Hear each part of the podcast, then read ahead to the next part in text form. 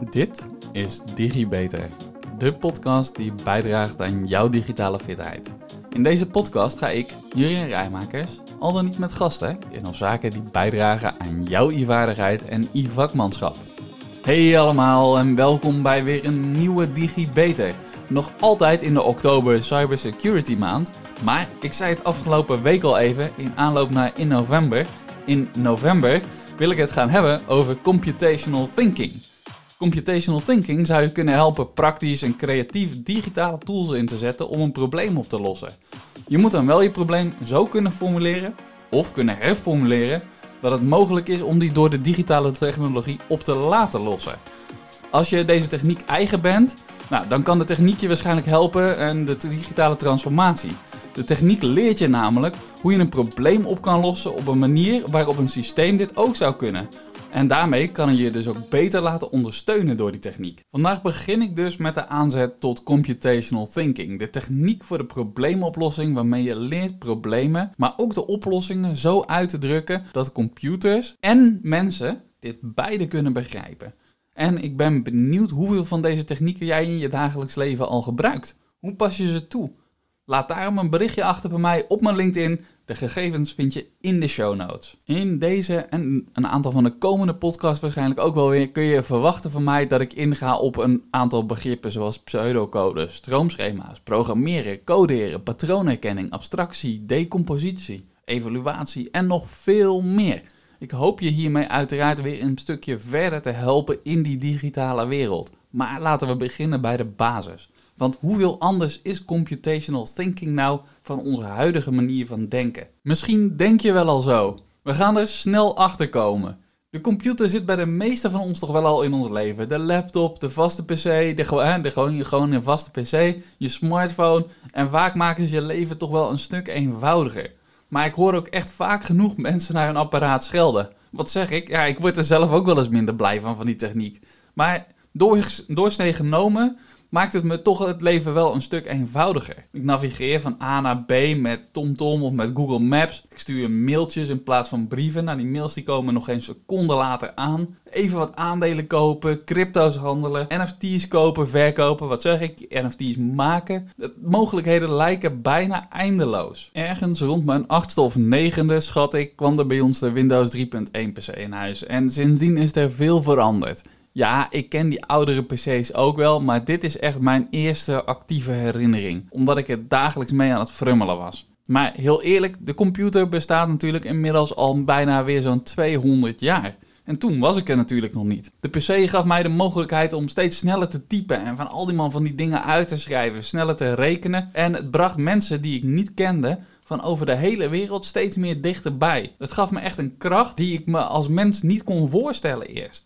Hoe konden wij als mensen dit soort machines maken? Hoe wisten die computers wat ik wilde? Oh ja, ik voerde de taak in en ik vertelde aan Windows wat die, dat hij Windows moest installeren. En als dat erop stond, dan vertelde ik het, dat het het Office pakket moest uh, installeren. En vervolgens Flight Simulator en Prince of Persia, zodat ik Prince of Persia kon spelen. Maar dat is nog niets.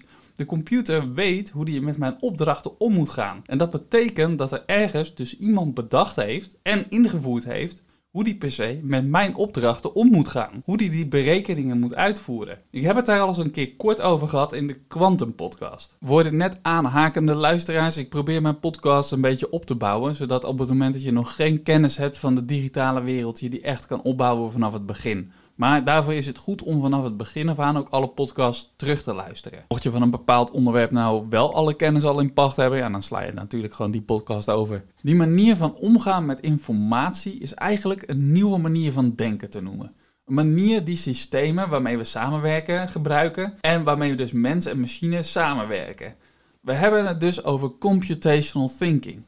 Een begrip dat er eigenlijk nog niet zo heel erg lang is, als je het vergelijkt met hoe lang onze digitale vriend in ons leven is, die 200 jaar waar ik het net over had. Je ziet deze manier van denken pas bekendheid krijgen in een essay van Jeanette Wing in het tijdschrift voor Association for Computing Machinery. Nou, die association is opgericht al in 1947, bestaat nog steeds. In dat magazine legt zij dus uit waarom deze manier van denken, die wij als mens begrijpen, maar die machines ook kunnen volgen, ons kan helpen bij het oplossen van allerlei van onze eigen praktische problemen. Het begrip computational thinking bestond eigenlijk al sinds 1980, waar het werd geïntroduceerd door computerdeskundige en pedagoog Seymour Papert. Maar het duurde tot 2006 voordat het dus die gerichte bekendheid kreeg door het artikel van Jeanette Wing. Zij stelt dat computational thinking een basisvaardigheid zou moeten zijn voor iedereen. Iedereen zou het moeten begrijpen. Je zou er les in moeten krijgen op de basisschool naast je lessen lezen, schrijven en rekenen. Zodat je leert om menselijk gedrag te doorgronden, maar vooral ook problemen op te lossen, om systemen te ontwerpen op de basisconcepten van de informatica.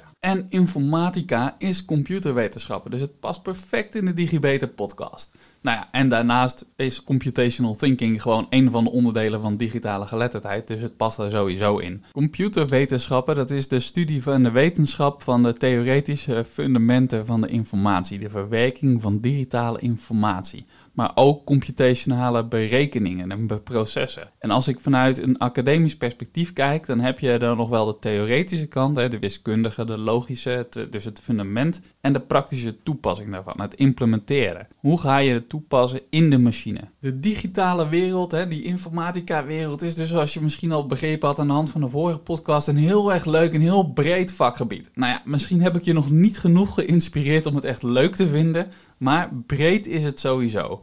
Nou, we hebben het natuurlijk onder andere over die algoritmen, over datastructuren. Die worden wel gezien als de kern van de informatica, maar dan heb je het ook nog over diverse andere dingen, zoals architectuur. De computerarchitectuur, die zich onder andere richt op de apparatuur en het programmeren en het ontwerpen van software. Maar ik ga je vandaag niet meenemen in het leren programmeren, in het begin wel had ik het over een aantal van die begrippen. En volgens mij had ik daar programmeren en coderen los benoemd. Zo niet, dan ga ik het bij deze alsnog zeggen: programmeren en coderen los. Want ze worden mijn inziens vaak door elkaar heen gebruikt. En wat juist is, ik heb echt geen idee. Maar ik beschouw coderen als het onderdeel van programmeren.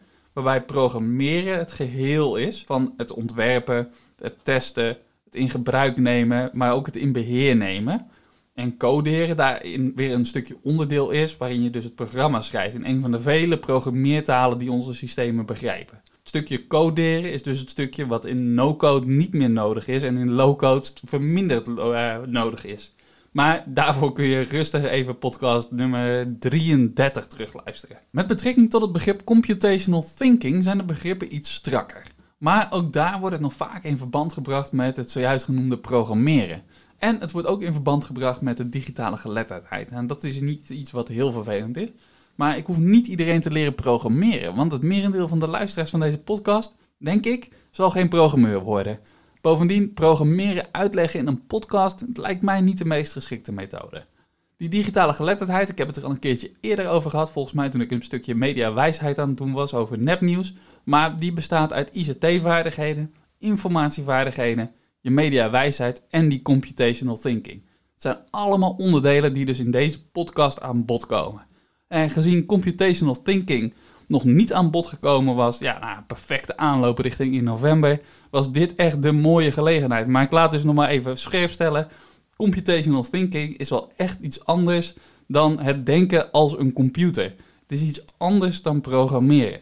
Het is een manier van benaderen van een probleem en dat kunnen oplossen met computertechnologie. Als je nu je probleem al dan niet gedeeltelijk kan ontrafelen en misschien al wel de oplossing kan bedenken volgens die computational thinking methode, dan verlaag je de complexiteit. En misschien wel op zo'n manier dat een computer je ook kan begrijpen en dus ook mogelijk kan ondersteunen bij het ontrafelen. Of met de oplossing, hè, je kan ondersteunen met de oplossing.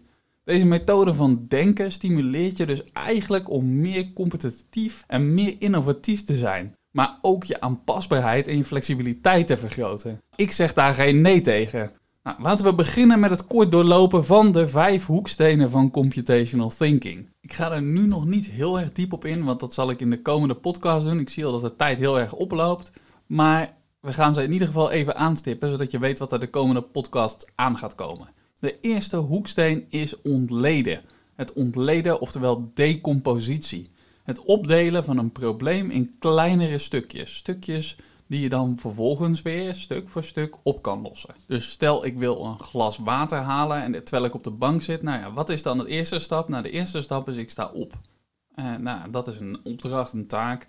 En vervolgens loop ik naar de kraan. Nou, dat is een ander stuk. Uh, misschien kun je die nog wel verder opsplitsen. Het ene been voor het andere bijvoorbeeld. Ja, en ga zo maar door. Dan gaat bij de kraan, de kraan open. Nou, je snapt wat ik bedoel. De tweede stap is het vinden van patronen. Proberen patronen te herkennen. Nou, dat is eigenlijk een stukje van het beoordelen. Je zoekt overeenkomsten tussen keren dat je het al eerder hebt gedaan. Op dat moment kun je kijken naar gevallen vergelijkbare problemen. Of je kan kijken naar of je problemen kan ontdekken in het verleden. Toen ik nog dagelijks in die midden in de IT-praktijken zat, vond ik het daarom heel erg belangrijk dat elk incident met een systeem gerapporteerd werd. Ook hè, geregistreerd werd. Net als hè, elke vraag, elke klacht, elke wens. Op die manier kon ik kijken naar incidenten, naar patronen. Maar ook of er al bijvoorbeeld soortgelijke dingen eerder gemeld waren of kleine verschijningen daarvan. En vervolgens kun je daarin gaan zoeken van nou, wat waren dan, dan de verschijningen daarbij? Uh, was het misschien een kleine onderdeel van een groter geheel? Want soms was het zo complex om te kunnen focussen. Nou, dan moest ik gaan filteren. Filteren is eigenlijk de derde stap. Het vereenvoudigen van je informatie door bijvoorbeeld het maken van een tekening of een schema van de informatie die je hebt. Het filteren hielp me echt om te zoeken naar de delen die er echt toe deden. Ik verwijderde de details en probeerde de grote lijnen te vinden. Oftewel, ik ben eigenlijk bezig met abstractie. Proberen denken, probeer ik dan te overdenken. En hoe doe je dat? Nou, deed ik als, door er als een soort van helikopter boven te gaan vliegen, zodat mijn gedachten er overheen konden gaan, zodat ik verbindingen kon zien uh, die je niet zou zien als je ertussen zou staan. Want door hoger te vliegen en vanuit een andere hoek te kijken, ontdeed ik het probleem van de onnodige details. En dat ondoen van details, dat hielp me te focussen op delen die echt belangrijk waren. Ieder perspectief kon ook weer andere lijnen laten zien. En ja, natuurlijk, niet elk onderdeel is belangrijk. Nou, met die lijnen ga ik dan puzzelen. Oftewel toewerken naar meerdere uitkomsten, naar meerdere oplossingen. En dat is eigenlijk de vierde hoeksteen het bedenken van oplossingen. En de oplossingen testen, ze uitproberen door algoritmisch te denken. En algoritmisch denken is het stapsgewijs oplossingen creëren voor het probleem. Alles wat ik bij elkaar gepuzzeld heb en getest heb. En als ik weet dat ik goed bezig ben, ja, dan, dan kan ik door naar de vijfde hoeksteen. Dat is namelijk wat ik bedacht heb bij elkaar brengen. En dat in, eh, op zo'n manier bij elkaar brengen dat ik de oplossing algemeen kan maken. Door deze toe te passen bij overeenkomstige problemen. Nou klinkt het mooi en redelijk recht toe recht aan, een beetje hokjes denken, maar niks is minder waar hoor. Deze manier van werken gaat bijna nooit in een rechte lijn en vandaar dat ik het ook had vooral over hoekstenen. Maar ik moet zeggen, ik trap zelf ook wel vrij snel in die stappen fout, omdat ik ze, ja, ik probeer ze toch volgordelijk te vertellen. Uh, maar het zijn dus hoekstenen. Je kan ze door elkaar op verschillende momenten in wisselende volgorde toepassen. Net zolang tot het je lukt om een probleem op te lossen. En hoe lang dat duurt en welke methode je toepast, dat is natuurlijk helemaal aan het op te lossen issue. Wat ik zelf leuk vind, is dat ondanks dat je misschien hè, niet doorhebt dat je veel van deze vaardigheden onbewust toch al toepast. De hele dag door, dag na dag. Je bent eigenlijk een enorme krachtige verwerker van informatie, zoals systemen dat ook doen. En stel nou dat je dat bewust zou doen. Hoeveel kracht zou dat je kunnen geven? Ik had het net al over dat incidenten oplossen wat ik in mijn werk deed en dat glas water. Maar een paar voorbeelden van waarin je het nog meer elke dag eigenlijk zo'n beetje wel doet. Bijvoorbeeld het uitvinden als ik van A naar B ga. Zoals ik in mijn inleiding al noemde. Het zoeken van de weg is in feite het oplossen van een probleem. Ik gebruik daarvoor het algoritme van TomTom en van Google Maps. Na het doen van mijn boodschappen verwerk ik die boodschappen die ik gedaan heb, hè, wat ik uitgegeven heb, verwerk ik in mijn administratie. Zodat ik maand na maand weet hoeveel ik uitgeef. Hoeveel ik eh, gemiddeld nodig heb voor mijn boodschappen. hey, ik zie een patroon. Ik leer namelijk hoeveel ik aan de post dagelijkse boodschappen uitgeef en hoeveel ik uitgeef aan de post Nou, dat laatste, dat is alleraardigst, want nu weet ik ook weer heel snel waar ik kan besparen voor de boodschappen. Uit het patroon door, hè, bijvoorbeeld omdat de boodschappen nu zo, hoog, zo snel stijgen in de kosten, ja, het is toch handig om te weten waar ik kan besparen met die andere post, namelijk de postabonnementen. Nou ja, en morgen ga ik samen met mijn familie eten. En ik moet, uh, moet dan koken. En de grap is, ik weet wel wat de allergieën in mijn familie zijn. En wat de kinderen al dan niet lusten, dat weet ik niet zo goed. Maar daarvoor krijg ik een recept van mijn schoonzusje. Nou, het mooie is dat ze waarschijnlijk daarmee onbewust al het onnodige er voor mij heeft uitgefilterd. Ze heeft namelijk door het door een filter heen gehaald. In een bepaalde mate van abstractie, waarbij ik enkel de details krijg van haar die ik nodig heb. Oftewel zonder de merken. Dus ik kan mooi zelf op zoek naar die best betaalbare boodschappen. En uh, ik krijg natuurlijk wel ook van uh, hoe ik het klaar moet maken. Nou, geniaal toch? Moet je nagaan als je elke dag op een manier daar zo over na zou denken, over die informatie die je met iemand zou delen. Hoeveel minder ik zou hoeven te lezen, hoeveel minder overbodige informatie ik zou krijgen.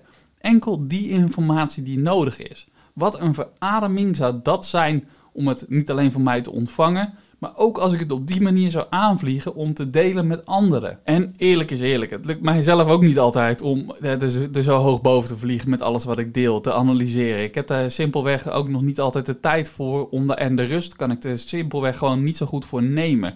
Dus analyseren voor wat van de lezer van belang is. En dat betekent nadenken vanuit het perspectief van de lezer. Nou, dat is oefenen, oefenen, oefenen. Maar in onze informatierijke maatschappij wordt deze manier van denken wel steeds belangrijker. Je kan het niet alleen gebruiken om echte problemen op te lossen en je data te analyseren, maar ook om het verwerken daarvan voor anderen dus een stuk eenvoudiger te maken. Het kan je ook helpen om toe te werken naar die hulpmiddelen, die technologie om te zorgen dat hij jou begrijpt en dus om je digitaal te laten ondersteunen.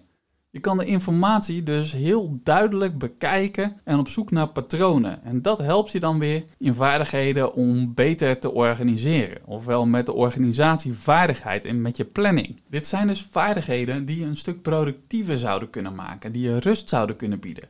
Is dus niet alleen als je in ICT werkt, in de techniek werkt, maar in allemaal verschillende soorten functies. Ik had het in de afgelopen podcast bijvoorbeeld over de gezondheidszorg. Hoe de techniek van de metaverse daar een impact zou kunnen maken. Nou, als je de manier van denken zou toepassen, zou je dat mogelijk, zou dit je mogelijk op het pad kunnen zetten om die relatie metaverse en gezondheidszorg te vinden. Het denken vanuit de patiënt. Waar heeft die patiënt die daar bij jou ligt met langdurige zorg bijvoorbeeld behoefte aan als die bij jou verblijft? En dat is vast ook niet hetzelfde voor elk soort langdurige zorg. Daarvoor ga je dus kijken naar iets wat in een mooi woord heet de klantreis. Of in de gezondheidszorg noemen ze dat vast anders. Ehm, ik denk uh, de patiëntreis. Ik zou zelf uh, zo'n reis uh, van, ja, ik zou er zelf de gastreis van maken, zoals ik al eerder zei. Voor mij zijn gasten, ga ik ga altijd uit van de gast. Ik ga de reis ontleden. Hij gaat in de decompositie. En daarvoor kijk ik naar de gasten die bij mij al in het ziekenhuis liggen met gelijke klachten. Langdurig, maar misschien ook wel de mensen die er liggen met kortdurige klachten. Wat zijn dingen die ik bij hen allemaal zeg maar, over tijd teruggekregen heb? Kan ik die filteren? Kan ik daarin een patroon ontdekken als ik daar boven ga vliegen? Kan ik, daar, kan ik ze dus mooi sorteren? Nou, dat betekent natuurlijk wel dat ik die informatie ergens moet hebben of anders moet gaan verzamelen. Als ik patronen herken, dan heb ik misschien iets te pakken waar ik, ja, maar ik kan dat natuurlijk niet zomaar klakkeloos gaan implementeren. Ik moet dat wel eerst testen. Ja, je gaat niet zomaar iets toepassen op mensen die daar ziek in dat ziekenhuis liggen. En dan denk van, nou, ik heb een nieuwe methode bedacht. Nou, chill, die ga ik uh, toepassen. Nee, je moet het dus gewoon wel testen. Ja, helpt het echt om dat verblijf beter te maken? Maakt het verblijf echt leuker? Maakt het het meer comfortabel of helpt het misschien wel zelfs bij de snellere genezing? En zo werk je stapsgewijs heel algoritmisch toe naar de oplossing, waarbij je ook kleine deeltjes test en op een gegeven moment samenmaakt tot een groter geheel. En uiteindelijk het gevonden algoritme, dat kun je dan gaan implementeren. Nou, en als je nu een beetje goed het nieuws volgt en mijn podcasts over algoritme beluisterd hebt, dan weet je wel dat algoritmes niet voor eeuwig goed blijven. Ze kunnen een bias krijgen en tenslotte, ja, je bent een mens, dus er kunnen ook foutjes in zitten of de omgevingsfactoren veranderen. En dus moet je ook lifecycle management op het algoritme toepassen. Want dat ik nu een werkend algoritme gevonden heb, dat wil niet zeggen dat het ook blijft werken. De behoeftes kunnen veranderen, omstandigheden kunnen veranderen, noem maar op. En hetzelfde geldt natuurlijk ook voor de beroepen binnen de overheid, financieel, rechtspraak, maar ook binnen de land- en akkerbouw, de boeren. Het mooie actuele stikstofprobleem, het inzetten van computational thinking, zou daar misschien wel gewoon kunnen helpen om op een andere manier te kijken naar het stikstofprobleem. We kunnen het klimaat, de stikstofomstandigheden op elk deel van het terrein ontleden. Uitzoeken welke gewassen en welke manier van akker- en landbouw nou het beste past bij de omstandigheden van de plek waar dat plaatsvindt. Wat gebeurt er als het grote plaatje wordt ontdaan van al die kleine details? We gaan filteren door er boven te vliegen en we kijken naar welke patronen we kunnen vinden. En daarmee een mooi plan ontwikkelen waarmee er specifiek voor specifieke gebieden specifieke acties ondernomen kunnen worden. Want hoe anders is het uh, als je op drassige grond boert, bijvoorbeeld in het Groene Hart, ten opzichte van de akkers in Drenthe? Ik weet het niet. Welke toepassingen kunnen we daarvoor ontwikkelen tot een algoritme? En ook hier weer, is dat over een aantal jaar dan nog wel hetzelfde, met bijvoorbeeld ja, die dalende grondwaterspiegels, dus ook ja, hier is lifecycle management weer van toepassing. Het erom vragen dat er beleid komt dat niet telkens wijzigt, ja, of dat helemaal haalbaar is, dat denk ik niet. Want ook hier, ja, die lifecycle zoals ik net zei, die is van toepassing. De omstandigheden kunnen wijzigen. Dus dan kun je nog zo goed je best hebben gedaan om specifiek voor de gebieden bepaalde dingen door te rekenen. En misschien ook al wel goed rekening gehouden te hebben met omstandigheden naar de toekomst toe. Zelfs die, ja, we kunnen niet in de toekomst kijken, dus je kan die omstandigheden niet voorspellen. En dat betekent dus ook dat je wel de kans hebt dat je je algoritme zal moeten aanpassen en mee moeten bewegen. Alleen de vraag is dan, is dat net zo drastisch als de maatregelen die er nu genomen worden? Maar het is wel duidelijk, één stikstofplaatje, dat werkt niet. Dat is veel te hoog over. Je moet wel de juiste granulariteit zien te vinden. Ik ben benieuwd naar het vervolg. Maar ja, dat is een heel ander verhaal. En misschien uh, kom jij daar na de podcast met de eerste stappen van computational thinking wel tot een geniale oplossing. Even mijn punt terugpakkend. Het maakt dus eigenlijk helemaal niet uit in welk beroep, in welke branche je werkt. Deze manier van denken kan altijd helpen in het vinden van een eh, verbeteringsruimte, van een manier van werken. Hoe je met je gasten, met je klanten, met je patiënten, hoe je het ook wil omschrijven, hoe je je beslissingen neemt, hoe je een project aanpakt of je werk delegeert. Je beschouwt het misschien niet altijd als iets wat een probleem is. Want ik had beloofd dat ik daar nog op zou terugkomen. Want een traditioneel probleem is traditioneel gezien iets wat heel moeilijk is om op te lossen. Een moeilijk vraagstuk, een moeilijke opgave. En wij beschouwen niet alles wat we doen in ons dagelijks werk als moeilijk, als lastig. Maar in de computationele zin is het dus een taak die je gewoon kan oplossen. Dus elke taak die jij doet, zou je met computational thinking kunnen gaan oplossen. Dus vandaar ook hè, dat mooi dat glas ophalen van als je op de bank zit. Dat opstaan, dat naar, naar die kraan lopen. Ja, dat, is, dat, dat kun je al met computational thinking helemaal doordenken. Welke stap ga ik stap voor stap nemen? En uh, ja, hoe kun je dat misschien wel beter doen? Of vereenvoudigen. In computationele zin is dus elke taak is een probleem. Dus alles wat je doet is een probleem. En daar komt deze manier van denken dus eigenlijk heel erg goed van pas. Want we hebben het allemaal druk. We klagen allemaal over drukte. Als ik vraag aan mijn vrienden hoe is het, dan komen we vaak niet verder dan in eerste instantie dan tenminste het oppervlakkige ja druk. Of uh, ja natuurlijk gewoon goed. En hetzelfde antwoord is eigenlijk iets wat je van je collega's krijgt. Maar ik wil graag dieper. Want ja, wat is nou druk? Druk is wat vaak in je hoofd zit. Hè? Wij mensen eigenlijk zijn we daar best goed in om te zeggen dat we druk hebben. We hebben veel in ons hoofd. Als we veel dingen hebben om over na te denken. En we zijn eigenlijk het beste als we gewoon dingen doen zonder er al te veel over na te denken. Al die taakjes in ons hoofd, die kunnen we er dus beter uithalen. En uit onderzoek van ING uit 2017 ook blijkt alweer dat we dat allemaal best wel graag willen. Zeker 25% van ons wil zich minder druk maken. Maar veel van wat we doen, dat is onbewust. Wat zichtbaar is, is gedrag en kennis. Maar onbewust onder water zitten al die innerlijke processen, die overtuigingen, persoonlijkheid, waarden, normen, je eigen missie. Alles wat je bewust moet doen, dat is hetgeen wat druk geeft. En ik hoop dat in de komende podcast over computational thinking, dat die kunnen helpen om die druk wat van de ketel te halen. Je te helpen te kijken naar hoe je die decompositie, die ontleding kan doen van de taken, van problemen die zo bewust in je hoofd zitten. Hoe je daarmee kan starten. Hoe je kan zoeken naar patronen door te filteren, in en uit te zoomen en te komen tot die algoritmische oplossingen die werken. Zodat je je minder druk voelt, zodat je minder die druk op je voelt. En uiteindelijk vooral in de gaten kan blijven houden of de lifecycle van je oplossingen die je hebt bedacht om die druk weg te nemen, ja, of die nog wel voldoet. Of het, uh, die algoritmes die je bedacht hebt, of die nog wel blijven doen wat ze moeten doen. Of die blijven werken. Nou, ik denk niet dat ik het hele half uur vol ga krijgen. Maar volgens mij een fantastisch mooi begin voor een computational thinking voor deze week. Ik heb je meegenomen door de verschillende hoekstenen van computational thinking. En uh, ja, daarmee begin ik met die hoeksteen van de ontleding, van de decompositie van een issue. Stel dat je bijvoorbeeld dus nu volgende week een groot evenement voor je baas mag gaan organiseren, hè, voor je leidinggevende, want hondjes hebben een baas. Dan um, kun je dat, wat ik je vandaag uh, verteld heb, kan je gaan gebruiken. Je kan het evenement bewust in stukjes gaan opknippen en daarbij bijvoorbeeld de belangrijke onderdelen pakken. Van een gastenlijst tot een locatie, tot wat het te eten is en de lezingen. En vervolgens gaan zoeken naar de patronen die daartussen zitten. Met vergelijkbare evenementen kun je ze ook nog gaan vergelijken, zodat je daar ook nog van kan gaan leren. Ook binnen het evenement kun je gaan filteren. Wat krijg je voor een beeld van de wensen van je baas bijvoorbeeld, hè, van je leidinggevende? Wat, wat zie je daar voor patronen in? En als dat dan allemaal langzaam op zijn plek valt, langzaam ontwikkelt, dan kun je daar algoritmes op gaan bedenken. Die algoritmes, die ga ik proberen te koppelen, hè, of ik daar kijken of ik van met die verschillende algoritmes dan die kan combineren tot één groot algoritmisch programma. En met dat algoritmisch programma, ja, dat hoop ik dan natuurlijk gewoon toe te kunnen passen op het evenement, zodat het evenement tot een groot succes wordt. Ben je nu geïnspireerd? Weet je er meer over, over dit computational thinking, omdat je bijvoorbeeld er al mee werkt of je er ervaringen mee hebt? Ja, dan hoor ik die uiteraard graag. Voor nu, voor deze week, wil ik je echt hartelijk danken voor het luisteren.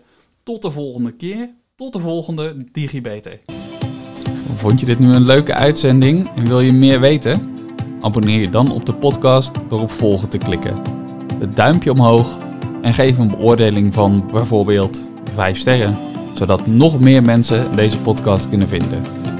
Wil je je collega's, vrienden, familie, zoals je opa of oma, net zoveel plezier doen en ze digitaal fitter krijgen? Deel dan de podcast. En zo worden we samen allemaal digitaal.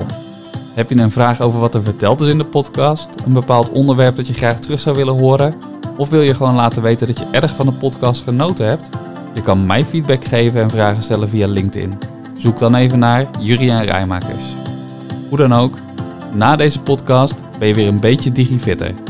Tot de volgende keer, tot de volgende DigiBeter.